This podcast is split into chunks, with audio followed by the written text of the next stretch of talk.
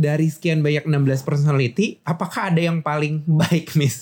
Jadi walaupun dalam satu kategori belum tentu persis sama karena nggak ada sih ya manusia di, di dunia ini yang persis sama.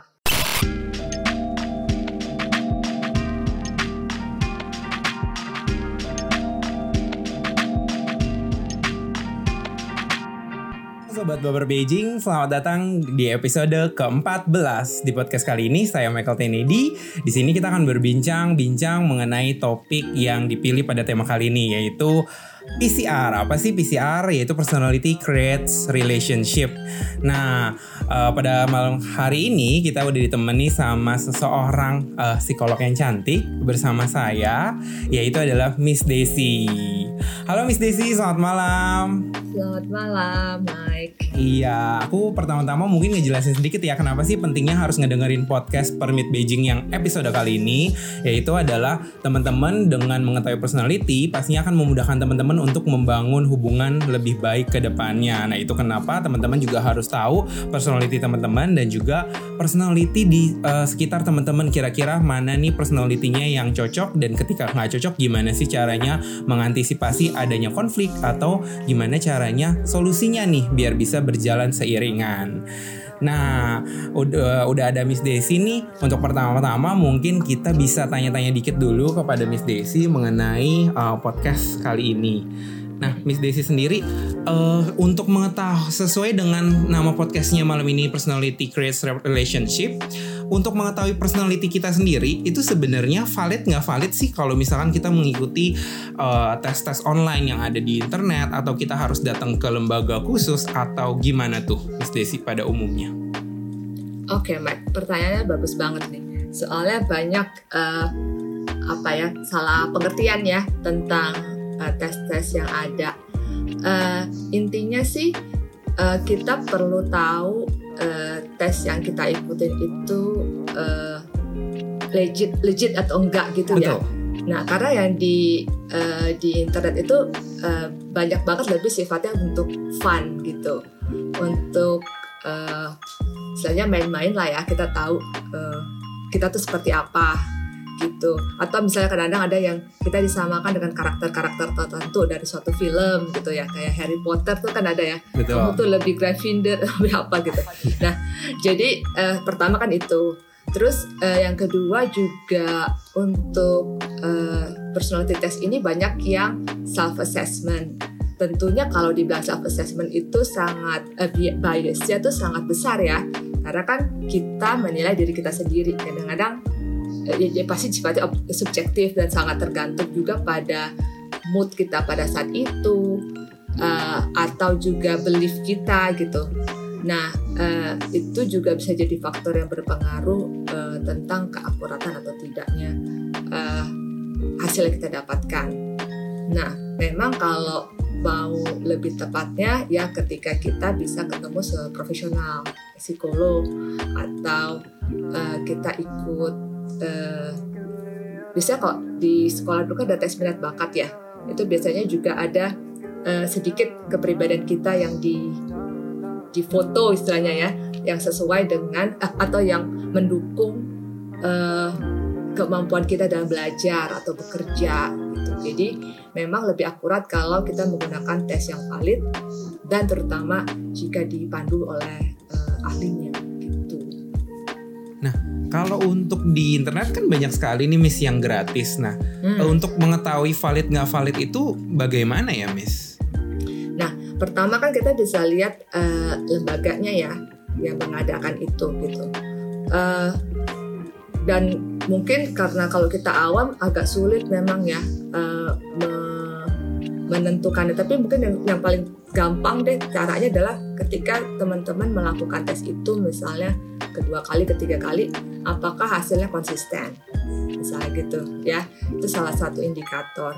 Uh, terus juga kan kita bisa punya common sense ya, uh, ini kayaknya nggak seperti saya nih gitu loh, atau uh, kita lihat orang lain misalnya ngambil terus mengikuti tes itu, bilang, hmm, kayaknya nggak menggambarkan dia ya gitu. Jadi bisa juga pakai common sense kita. Uh, tapi sih umumnya biasanya kalau yang di internet kalau yang gratis sih uh, memang itu uh, kevalitannya tuh uh, cukup dipertanyakan ya. Okay. Biasanya yang lebih valid itu yang berbayar pasti karena kan ada copyright, ada effort di balik di balik uh, hasil tes itu ya untuk menganalisanya gitu tetap ada harga ada barang ya Miss ya iya. balik lagi ya nah uh, kapan sih waktu terbaik untuk kita uh, mengetahui personality kita apakah lagi pas bangun tidur apa mm. karena full of concentration apakah pas lagi moodnya bagus atau gimana tuh Miss karena kan tadi Miss mengatakan bahwa mood itu sangat menentukan kevalitannya uh -uh. juga uh -uh. gitu loh menentukan okay. bukan kevalitan tapi mungkin lebih akurat ya kalau misalkan mm. uh, pada kondisi tertentu hmm. well uh, ini trikinya sih kalau tes kepribadian itu karena uh, bahkan di uh, tes yang dilakukan oleh uh, expert aja ketika kita datang dalam kondisi uh, yang berbeda bisa jadi uh, gambaran berbeda. Cuman kan kalau di uh, psikotes yang dilakukan psikolog dia kan lihatnya secara keseluruhan ya kan? Uh, memang di situ uh, gunanya ada expert itu. Jadi dia nggak jadi dia nggak melihat cuman uh, sekelumit aja. Walaupun tetap aja sih memang itu uh, apa namanya disadvantage-nya ya uh, kepribadian itu kalau dipotret bisa jadi kita dapat memang uh, ketika orang itu uh, dalam kondisi itu aja. Makanya kalau kita uh, misalnya itu klien ya, biasanya kita lakukan itu uh, beberapa kali untuk melihat konsistensinya. Karena bisa jadi ketika ya tentunya sih jangan mengambil tes itu ketika kita sedang lagi merasa buruk ya. Pastinya pasti hasilnya akan jelek eh, rendah semua atau gambarinnya nggak se nggak seperti kita pada pada biasanya gitu makanya kalau dalam setiap eh, ikut psikotes pasti dibilang kan istirahat cukup ya eh, kalau bisa kondisi tenang segala macam itu untuk mengusahakan supaya kita berada dalam uh, neutral lah dalam posisi netral gitu. Oke, kita masuk ke lebih dalam mengenai personality. Nah, berdasarkan teori uh, psikologi sendiri atau mungkin pada umumnya itu uh, personality itu terbagi ke dalam berapa sih, Miss? Mungkin bisa dijelaskan uh, secara okay. singkat. Nah, ada ada apa aja, terus uh, bedanya apa aja gitu. Nah, nah ini uh, ini juga cukup su pertanyaan cukup sulit sebenarnya karena uh, teori kepribadian itu banyak banget dan setiap teoris itu punya pendekatan yang berbeda dalam menjelaskan kepribadian. Nah, kalau kita sesuaikan dengan topik kita uh, kali ini, kita ngambil dari uh, MBTI aja ya. Ini okay. supaya nggak bertentangan nanti. Ya, Karena bisa jadi bisa jelasin dulu mengenai tes MBTI dulu nih sebelum okay. kita masuk ke personality-nya. Nah, akan mungkin ada teman-teman yang belum coba tesnya juga uh, secara okay. singkat. So uh, MBTI ini kan singkatannya dari Meyer uh, Test ya personality test. Jadi uh, dia ini mengambil dari satu uh, teoris namanya Jung, Carl Gustav Jung. Jadi dia menggunakan teorinya Jung dan Eysenck berikutnya untuk menjelaskan, untuk me, istilahnya mendeskripsikan kepribadian uh, seseorang. Dan ingat tadi aku bilang ya bahwa ada banyak banget teori dan bisa jadi uh, penjelasannya berbeda-beda. Jadi jangan bingung kalau uh, kalau ini kok nggak sama sama yang saya dengar di mana gitu. Kita tergantung teori yang kita pakai. Nah, si Jung ini uh, membaginya dengan lebih sederhana sih. Jadi dia baginya sebenarnya ada tiga, tapi di MBTI itu ditambah satu lagi uh, yaitu uh, elemen yang keempat gitu. Nah, yang pertama itu dia introversi dan ekstraversi ya itu tergantung orientasi seseorang itu gimana kalau yang kita kenal kan uh, introvert tuh orangnya pendiam uh, menarik diri gitu ya. Sebenarnya kalau secara psikologis bukan seperti itu tapi uh, kalau yang introvert itu adalah orang yang orientasinya ke dalam. Jadi lebih reflektif lebih uh, subjektif ya dalam menilai sesuatu itu uh, kemudian juga uh, lebih private gitu orangnya. Jadi sepertinya dia cuek atau aloof sama orang-orang di sekitarnya. Nah kalau extrovert dia makin dapat banyak energi ketika dia bersama orang lain, uh, ketika dia berada di luar berhubungan sama orang lain, event, gitu. jadi dia suka di, di tengah uh, orang banyak gitu. Nah, itu elemen pertama jadi orientasi tadi ya. Yang kedua tadi kan ada fungsi uh, kalau Jung bilangnya fungsi. Fungsi itu dibagi dua, fungsi uh, thinking dan feeling sama yang rasional atau fungsi non rasional itu sensing and intuition gitu. Nah kalau yang uh, thinking and feeling ini, kalau thinking itu berarti orangnya hmm, dia suka menghubungkan ide satu dengan ide lain untuk memahami uh, dunia atau dalam menyelesaikan masalah. Jadi dia pakai logika lah istilahnya ya. Hmm. Sementara kalau orang yang feeling dia lebih evaluatif dia pakai perasaan, menerima atau menolak suatu ide itu berdasarkan uh, perasaannya. Jadi gampang tergugah juga orangnya. Nah kalau yang uh, sensing dan intuition itu tuh dalam hal dia uh, mengenal mengambil informasi ya menerima informasi itu dari mana? Berdasarkan panca inderanya kah? Itu sensing ya berarti dia butuh fakta butuh data. Dia mesti lihat gitu yang mesti dengar mesti pastikan itu uh, valid baru dia percaya. Baru dia mengambil informasi itu dan menyerapnya. Nah kalau intuition itu dia lebih abstrak jadi dia pakai hunch gitu. Uh, orang-orang yang biasanya forward thinking gitu Nah kalau di MBTI ini si Myers Briggs ini dia tambahkan satu lagi komponennya yaitu si uh, judging and perceiving itu di mana bagaimana dia menghadapi dunia di luarnya. Apakah dia uh, maunya ada aturan jelas ada struktur atau yang perceiving itu lebih fleksibel yang uh, fluid ya. Jadi orangnya lebih uh, gak terlalu suka struktur gak terlalu suka rutin dan uh, lebih bebas lah gitu.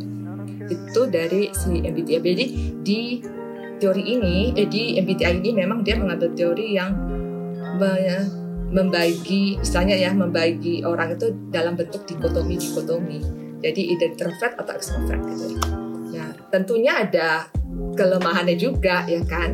Karena sangat sederhana di mana kita tahu manusia itu sangat kompleks ya jadi uh, jadi mungkin tidak menjelaskan semuanya. Dan yang juga salah satu uh, yang menjadi kritik ya untuk MBTI ini adalah uh, kan orang punya dua-duanya. Kayak introvert tapi kan bukan berarti saya menarik diri saya nggak mau ketemu orang lain gitu ya. Karena pada intinya Jung juga bilang bahwa semua orang tuh punya uh, keduanya cuman mana yang dominan gitu. Jadi bukan salah satu tapi mana yang dominan mana yang muncul lebih banyak atau kalau untuk fungsinya mana yang lebih superior mana yang pendukung gitu. Jadi bukan berarti kalau kita tinggi kita sama sekali nggak merasa ya nggak gitu. Ya, jadi melihatnya harus dalam uh, pengertian yang benar gitu.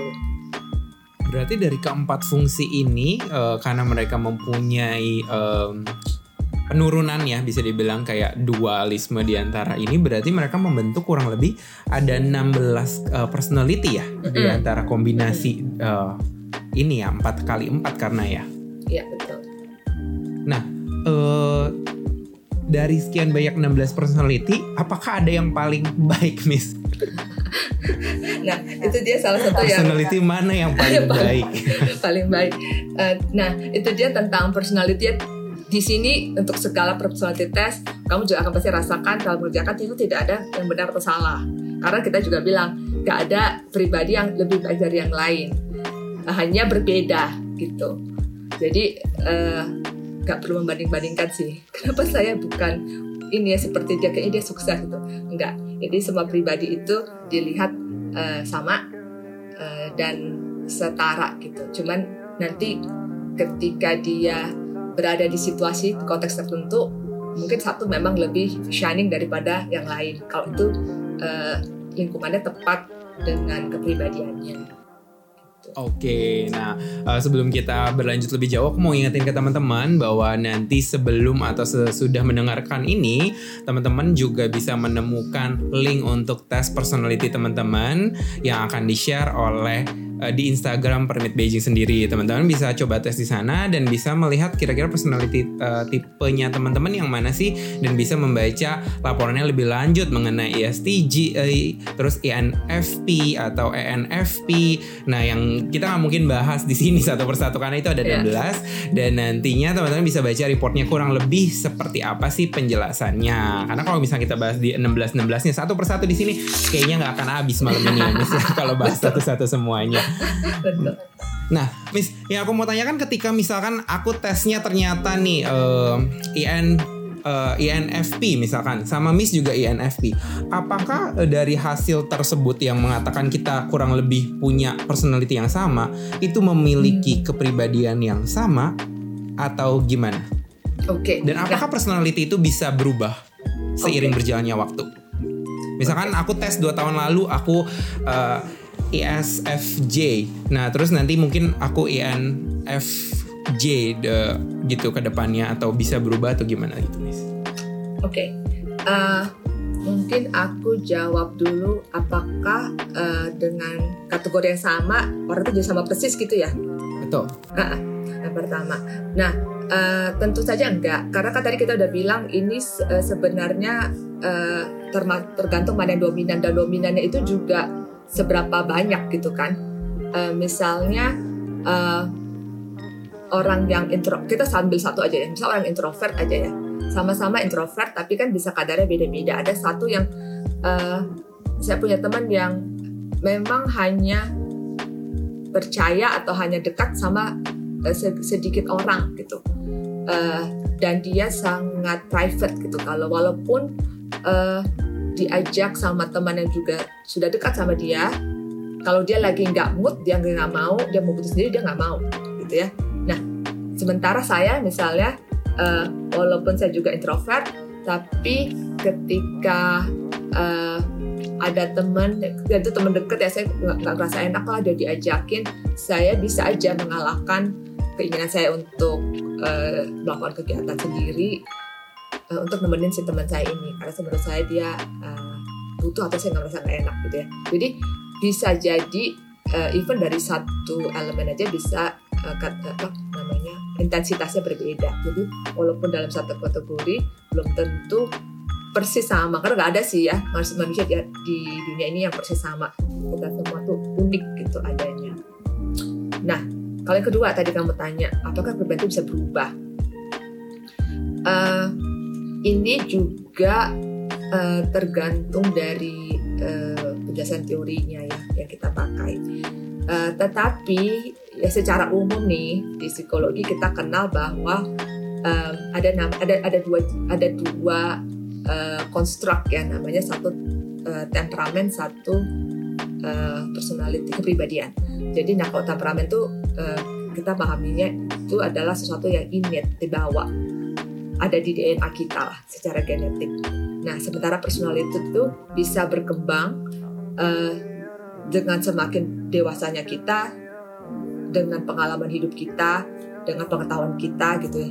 Bisa bisa bahkan pekerjaan kita bisa mempengaruhi juga uh, kepribadian kita karena kita dituntut untuk bersikap tertentu gitu. Jadi uh, ya bisa bisa berubah. Uh, itu juga dalam uh, jadi kayak gitu karena temperamen itu juga ada di dalam kepribadian jadi uh, bisa berubah dalam range-nya. Tapi setiap orang itu kalau kalau Carol Dweck bilang ya uh, yang mengenalkan uh, positive psychology itu atau growth uh, growth mindset bilangnya manusia itu bisa bertumbuh. Jadi gak cuman secara intelijensinya tapi juga personalitinya bisa bertumbuh. Kalau enggak kita stagnan kan gak jadi lebih baik. Gini-gini aja. Tapi again aku bilang tergantung teori yang dipakai. Uh, ya gitu sih okay. penjelasan. Uh, Miss faktor apa sih yang paling mempengaruhi untuk me, um, terjadinya perubahan kepribadian itu? Oke. Okay.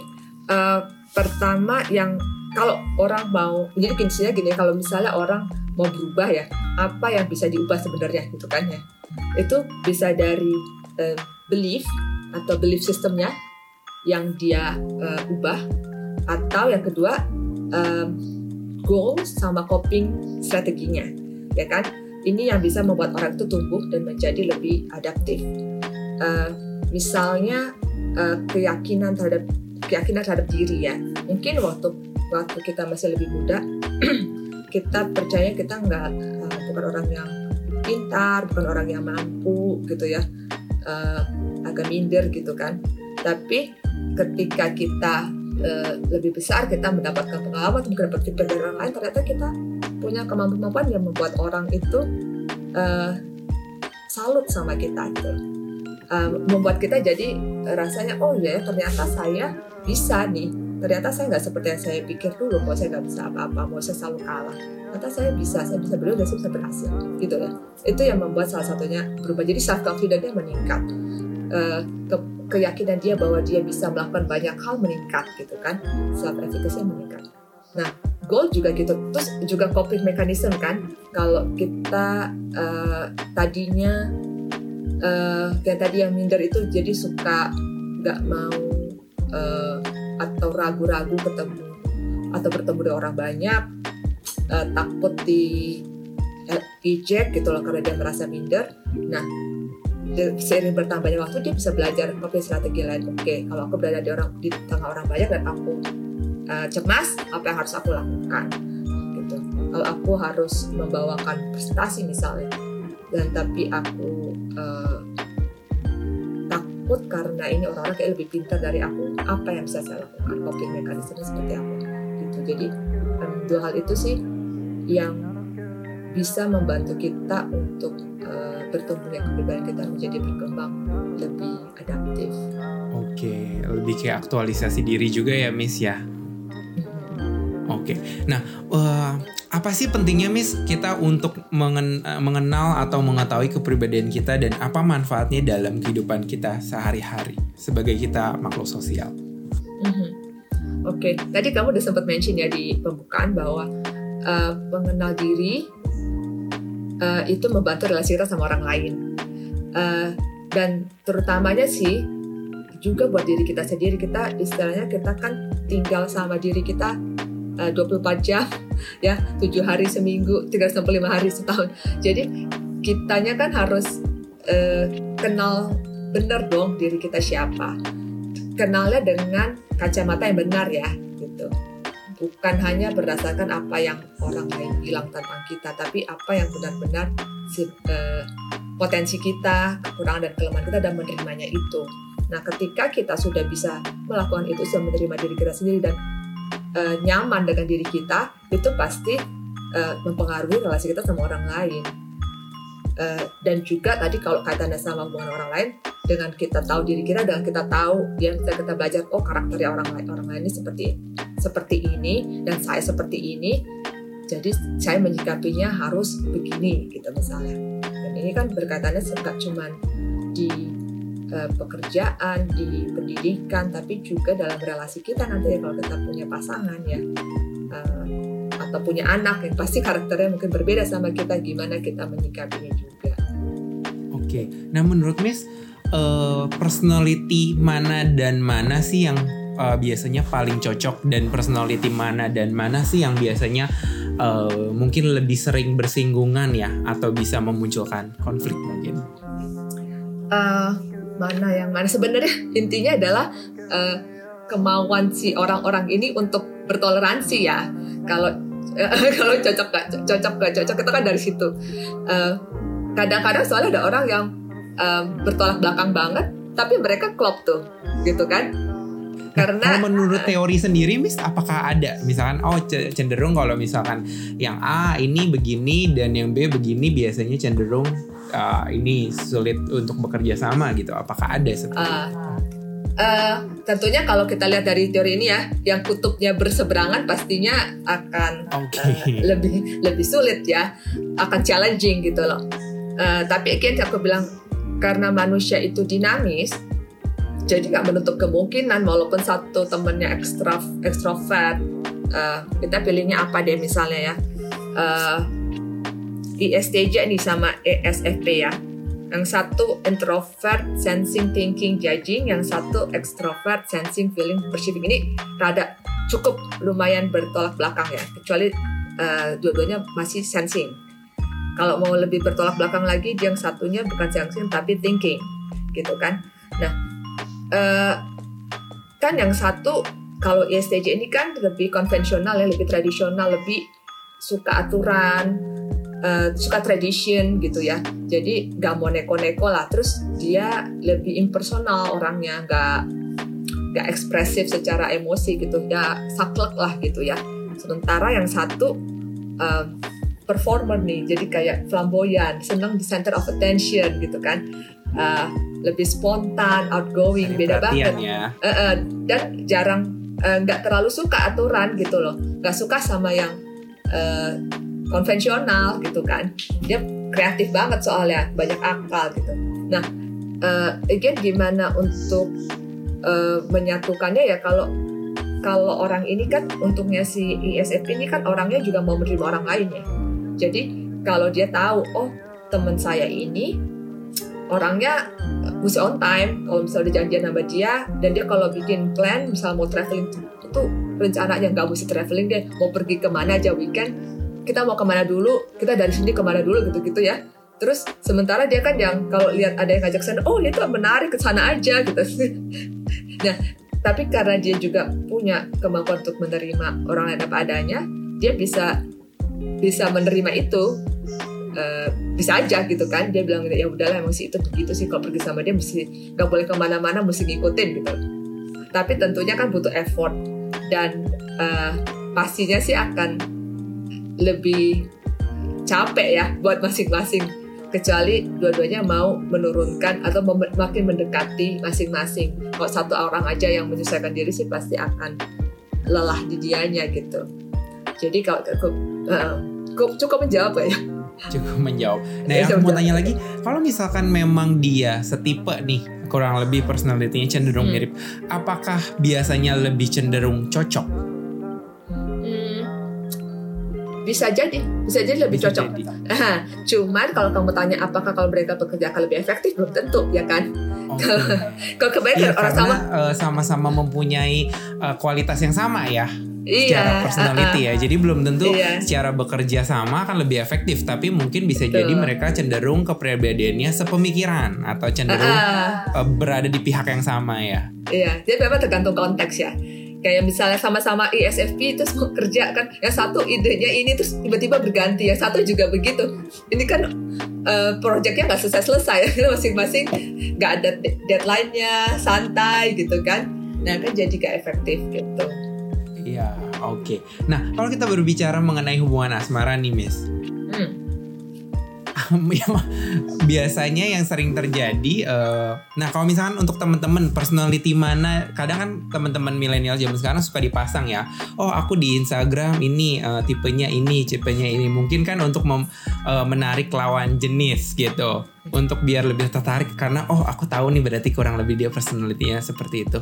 Nah apakah uh, untuk uh, dalam hal hubungan asmara itu lebih baik setipe atau mungkin uh, berlawanan atau cocok-cocokan atau dari teori psikologi sendiri uh, bagaimana Miss menyikapinya okay. dalam sebuah hubungan asmara? Ya, uh, ini again nggak ada sih pakemnya dari secara psikologis seperti apa karena uh, tadi kita bilang manusia itu dinamis ya. Uh, selain juga kepribadiannya kan misalnya sepasangan yang bersama-sama dalam jangka waktu lama itu lama-lama kan saling makin mendekat mendekat uh, personalitinya ya. Jadi makin sejalan karena saling mempengaruhi. Nah itu tadinya tadinya berbeda bisa lama-lama menjadi mirip. Maka kita suka bilang kan eh ini cocok ya pasangan ini. Mirip. Bahkan bukanya bisa fisik aja seperti jadi lama-lama mirip gitu. Gayanya mulai mirip gitu. Bisa begitu. Uh, yang aku tadi bilang lagi ketika itu jadi masalah ketika uh, tidak ada yang mau uh, bertoleransi atau memahami yang satu lagi tuh pasangannya ini uh, berbedanya di aku di mana gitu. Jadi uh, kalau cari uh, pakemnya sih nggak ada karena ada orang yang opposite attract jadi sangat berbeda tapi uh, saling saling tertarik dan saling melengkapi. Ada yang uh, memilih yang sejalan banget gitu. gitu. Tapi sih biasanya ya harus ada perbedaan kalau enggak akan menjadi uh, boring ya biasanya harus ada ada perbedaan lah pasti nggak nggak persis Biar persis ada percikan-percikannya ya, Iya. Ya. ada challenge dong Iya, kalau ada punya challenge. pasangan dan dan nggak menutup kemungkinan bahwa kepribadiannya bisa eh, ikut berubah ya atau mengikuti Mm-mm. adaptasi kali ya karena salah Mm-mm. satu saling mempengaruhi ya Miss ya. Mm-mm. Eh, ketika misalkan kita terjadi di dalam lingkungan pekerjaan nih, mungkin atasan kita personalitinya sangat berbeda dengan kita. Biasanya kan kalau eh, berbeda atau mungkin eh, satu ekstrovert, satu introvert atau gimana, biasa lebih cenderung adanya konflik atau gesekan ya, Miss ya. Mm-mm. Nah, itu gimana sih Miss cara menyikapinya baik mungkin dalam kehidupan organisasi, dalam eh, lingkungan pekerjaan gitu, atau dalam pertemanan gitu. Oke, kita ambil secara umum ya. Apa kita mau pakai salah satu uh, personality ini? Eh, boleh eh, terserah Miss aja yang kayak gimana. Oke, uh, Boleh dalam Kalau- bentuk cerita, study case atau eh, mungkin Miss pernah alami sendiri atau gimana? oke. Kalau kita enakan pakai uh, studi kasus ya. iya, eh, biar lebih relate sama teman-teman. Yang dengerin. Uh, uh, uh, karena mungkin aja kalau dilihat ini nggak tergambarkan. Tapi misalnya gini, uh, uh, kita punya atasan yang uh, orangnya uh, intuitif, jadi orangnya suka berpikirnya uh, abstrak gitu ya. Terus uh, uh, dia lebih ke thinking. Eh eh lebih ke ya maksudnya maksudnya dia eh, impersonal gitu ya.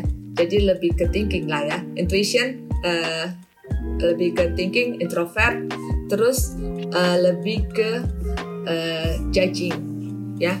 Sementara kita eh, orangnya practical gitu loh. Jadi lebihnya lebih sensing kita pengennya data dong gitu ini orang kok ngomong abstrak banget. Eh, tapi gimana implementasinya gitu kan. Ntar kita suruh kerjain. Dia tuh punya ide ide ide aja gitu. Tapi ditanya tapi tapi pak ininya eh, pelaksanaan di lapangan nggak bisa gini gini gini. Tapi nggak bisa. Dia eh, ngotot. Plus ada stubbornnya gitu kan meja botot bos ya. Jadi pokoknya mesti bisa mesti terlaksana. Nah eh, kalau eh, kita menemui orang seperti ini eh, karena posisinya posisi juga menentukan ya. Kalau ini atasan ya pasti kan kita nggak bisa menentang uh, dengan frontal kan. Jadi kalau kekuatan kita di sensing kita bisa kasih data.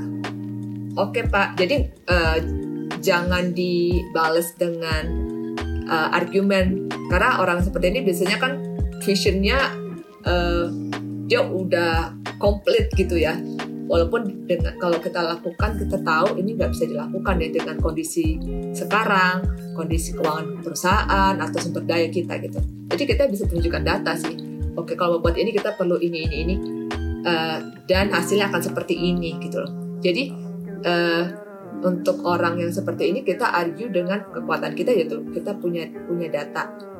Eh, kemudian eh, kalau bos kita ini modelnya yang uh, thinking kan dia juga uh, lebih impersonal gitu. Jadi dia nggak akan mungkin kayak kita ngerasa kurang apresiasi ya. Jadi dia ya bilang kan udah digaji emang kerjaan lo gitu. Jadi kalau lo kerjakan kerjaan lo bagus ya ya udah emang memang harus ya kan gitu loh. Saudara kita yang anak buah nggak bilang terima kasih sih saya udah kerja setengah mati gitu ya. Saya udah ngerjain ini nggak pernah diapresiasi gitu. Hmm. Uh, hal-hal seperti ini kalau kita mau step back ya uh, dan menganalisanya dengan situasi ini bahwa ini ini bos kita ini karakteristiknya begini gitu. Uh, kalau kita mau pakai ekspetensi yang sesuai dengan kepribadian kita, bahwa kita maunya uh, bos kita tuh paham uh, paham data, bisa mengkomunikasikan idenya dengan lebih baik, uh, terus dia apresiatif gitu loh. Terus dia juga uh, nggak ketat banget sama deadline nggak nggak mau ngelihat situasi gitu ya. Uh, kita mau step back dan paham bahwa dia kondisi seperti itu akan sulit ya kita akan ber, berbenturan terus gitu buat saya sih itu uh, pilihannya cuma ada dua sih. Kalau kita mau tetap di situ ya kita harus belajar mengubah uh, tadi itu uh, goals kita, coping strategi kita, belief kita supaya kita bisa uh, adjust sama situasi si bos ini. Tapi kalau kita nggak bisa kita rasa oh ini udah udah di limit kita which is oke okay oke -okay juga ya kan setiap manusia punya uh, batasannya sendiri kita rasa ini udah uh, lebih daripada yang saya bisa uh, tolerate ya kita harus memikirkan untuk berpindah ke entah ke divisi lain atau ke pekerjaan lain atau kalau itu relasi ya uh, mungkin tidak teruskan pacarannya misalnya gitu ya tapi ya jadi mesti, mesti diputuskan karena either way ada konsekuensinya gitu. balik lagi berarti uh, yang aku bisa rangkum adalah toleransi dan adaptasi ya Miss ya. Kalau kita masih bisa menerima dan satu sama lain, terus mungkin uh, adjust dengan pasangan kita atau mungkin dengan atasan kita, dengan orang-orang di sekitar kita, masih bisa berjalan bersamaan, maka bisa diteruskan ya. Cuman baik lagi, memang setiap orang punya batasan masing-masing. Jika mungkin sudah melebihi batas yang bisa kita tolerir, uh, mungkin memang sudah uh, bisa berjalan di jalan yang masing-masing ya. Dan gitu ya Miss ya. Nah, uh, berbicara mengenai pekerjaan animisme dan sangkut pautnya dengan personality. Jika aku misalkan personalitinya yang uh, FP atau mungkin aku lebih uh, kepribadian yang gampang bosenan atau uh, suka new challenge, nah itu hmm. kira-kira pekerjaan apa sih yang cocok? Apakah memang ada uh, menurut teori psikologi? Oh, kalau misalnya pekerjaan di dunia service adalah personality yang seperti ini yang dicari gitu, atau mungkin ketika kita interview kerja, memang karena di divisi tersebut finance, oh mereka akan mencari personality yang seperti ini dalam kehidupannya atau di lapangannya itu menurut Miss kayak gimana? Iya, uh, jadi memang kalau uh, dalam proses rekrutmen biasanya memang uh, si rekruter ini tentunya mencari uh, karakteristik ya atau ya, personality yang yang sesuai dengan bidang kerjanya gitu. Uh, seperti saya contohkan ya uh, beberapa lama ini saya ikut bantu dalam uh, proses rekrutmen uh, di beberapa bank. Nah itu sekarang mereka uh, menuntut mereka malah mencari walaupun ini bank-bank yang sudah bank-bank uh, konvensional ya sebenarnya Uh, tapi karena mereka mau berubah, sekarang kan uh, lebih uh, tuntutannya lebih digital gitu kan ya. Jadi mereka perlu orang-orang yang uh, penuh inovasi, inovasi, mau berubah gitu.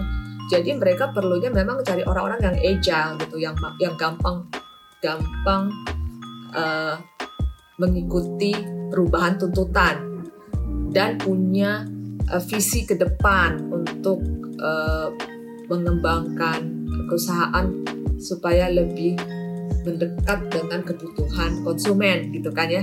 Nah um, satu itu jadi tuntutan perusahaan sih bisa jadi berubah.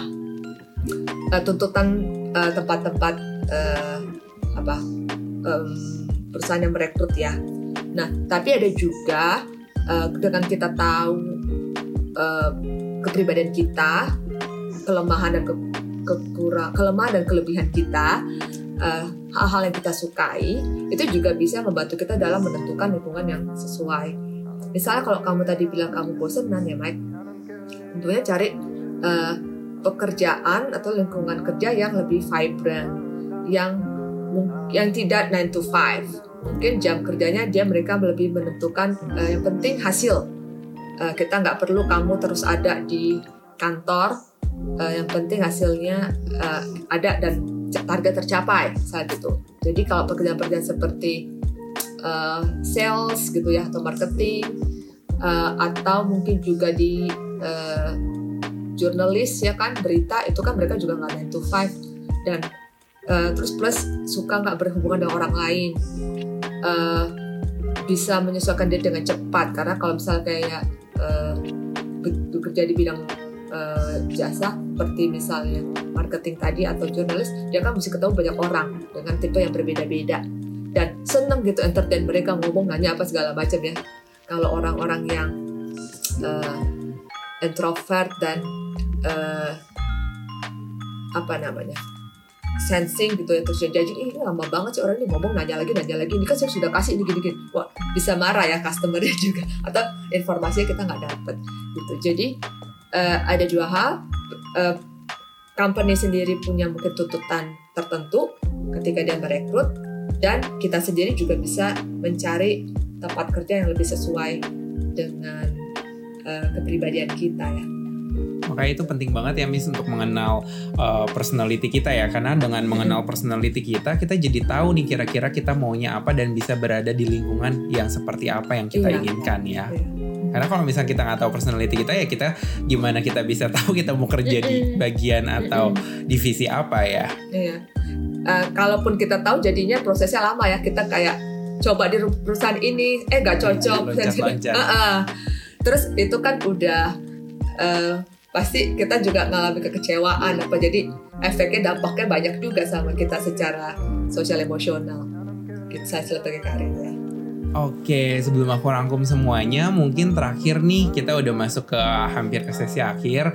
Aku mau minta uh, tips atau trik dari Miss Desi, gimana sih cara menyikapi uh, atau membangun hubungan lebih baik kayak gitu ke depannya. Mungkin dari sisi personality atau dari kita atau mungkin ada eh, hal-hal uh, yang memang uh, reality terjadi di sekitar Miss Desi yang mungkin Miss Desi bisa share. Iya.